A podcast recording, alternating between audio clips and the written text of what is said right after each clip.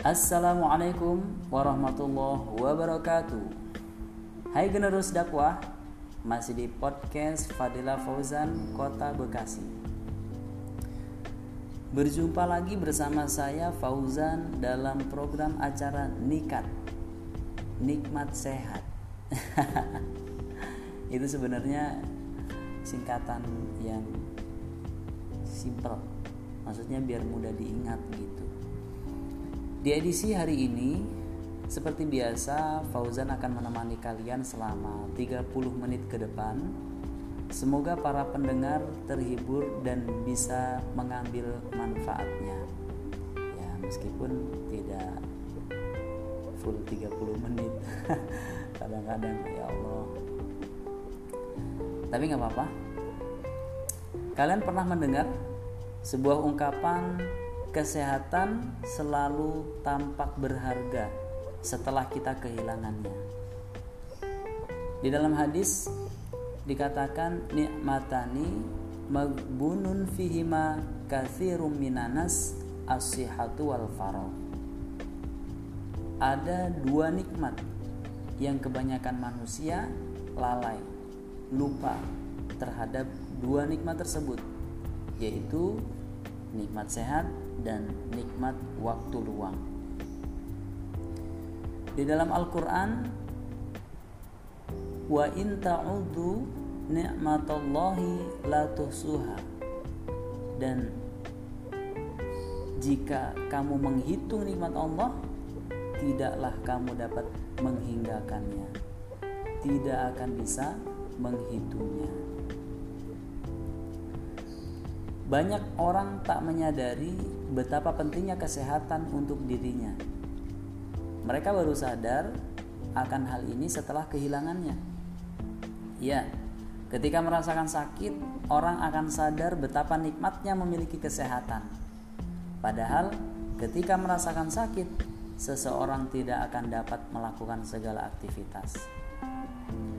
Hanya berpaling hanya berbaring di tempat tidur tentu sangat membosankan.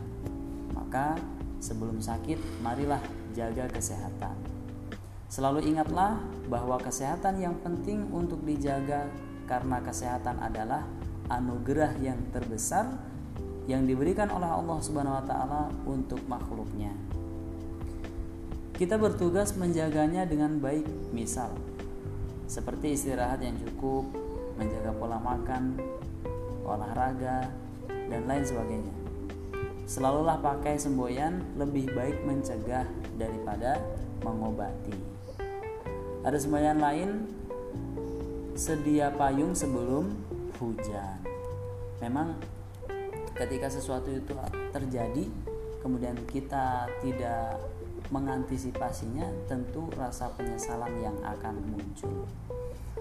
Ada sebuah cerita yang memperkuat uh, tema kita pada pagi hari ini.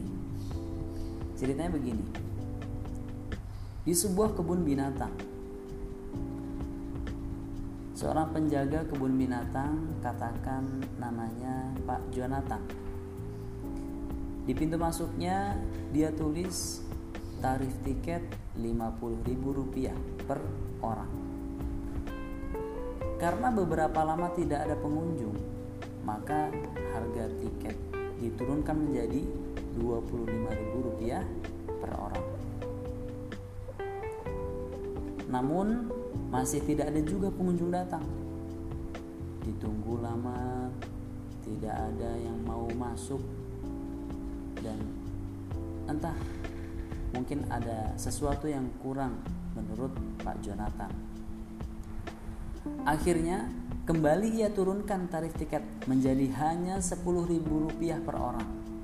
Bayangkan, dari harga Rp50.000 sampai Rp10.000. Dan tetap tidak ada pengunjung yang mau masuk. Akhirnya ditulislah pengumuman. Cukup geram Pak Jonathan karena tidak ada yang mau masuk kebun binatang. Akhirnya ditulislah di pengumuman di situ tertulis begitu besar sehingga banyak orang yang orang mudah untuk membaca. Tertulis masuk gratis. Tidak membutuhkan waktu lama. Banyak sekali orang yang berebutan masuk. Ketika pengunjung di dalam penuh maka Pak Jonathan membuka semua pintu kandang binatang buas seperti serigala, macan, harimau, singa, ular, dan sebagainya. Pengunjung pun panik. Wah, ke mana harus pergi? Namanya kebun binatang dipagari seluruh tempat yang ada di dalamnya. Nah, di pintu keluar, Pak Jonathan menutup pintunya dan mengunci dari luar. Lalu di pintu itu, di pintu keluar itu ditulis keluar bayar 500 ribu rupiah. Kemudian banyak orang yang berebut membayar. Mohon maaf, ini hanya sekedar cerita fiktif saja. Sebagai perumpamaan ironi kehidupan. Ketika ditawarkan hidup sehat, makan sehat, tidak merokok, istirahat cukup, olahraga. Demi menjaga kesehatan sebagai upaya pencegahan penyakit, banyak orang yang enggan, tidak mau. Tapi kalau sudah masuk rumah sakit, berapapun mahal biayanya pasti dibayar. Asal bisa sembuh, sekalipun harus jual aset dan berhutang. Itulah kira-kira gambaran orang yang tidak mau menjaga kesehatan, namun setelah jatuh sakit, dia atau kelibukan mencari pertolongan. Memang sih orang iman ketika dicoba sakit yaitu sebuah cobaan, sebuah musibah. Tapi hendaknya kita supaya selalu berhati-hati menjaga kesehatan. Karena kesehatan berharga. Oleh karena itu, eh, saudara semuanya, mari kita jaga kesehatan kita dengan selalu menjaga pola makan, rutin olahraga, kemudian yang lebih utama lagi adalah selalu berdoa.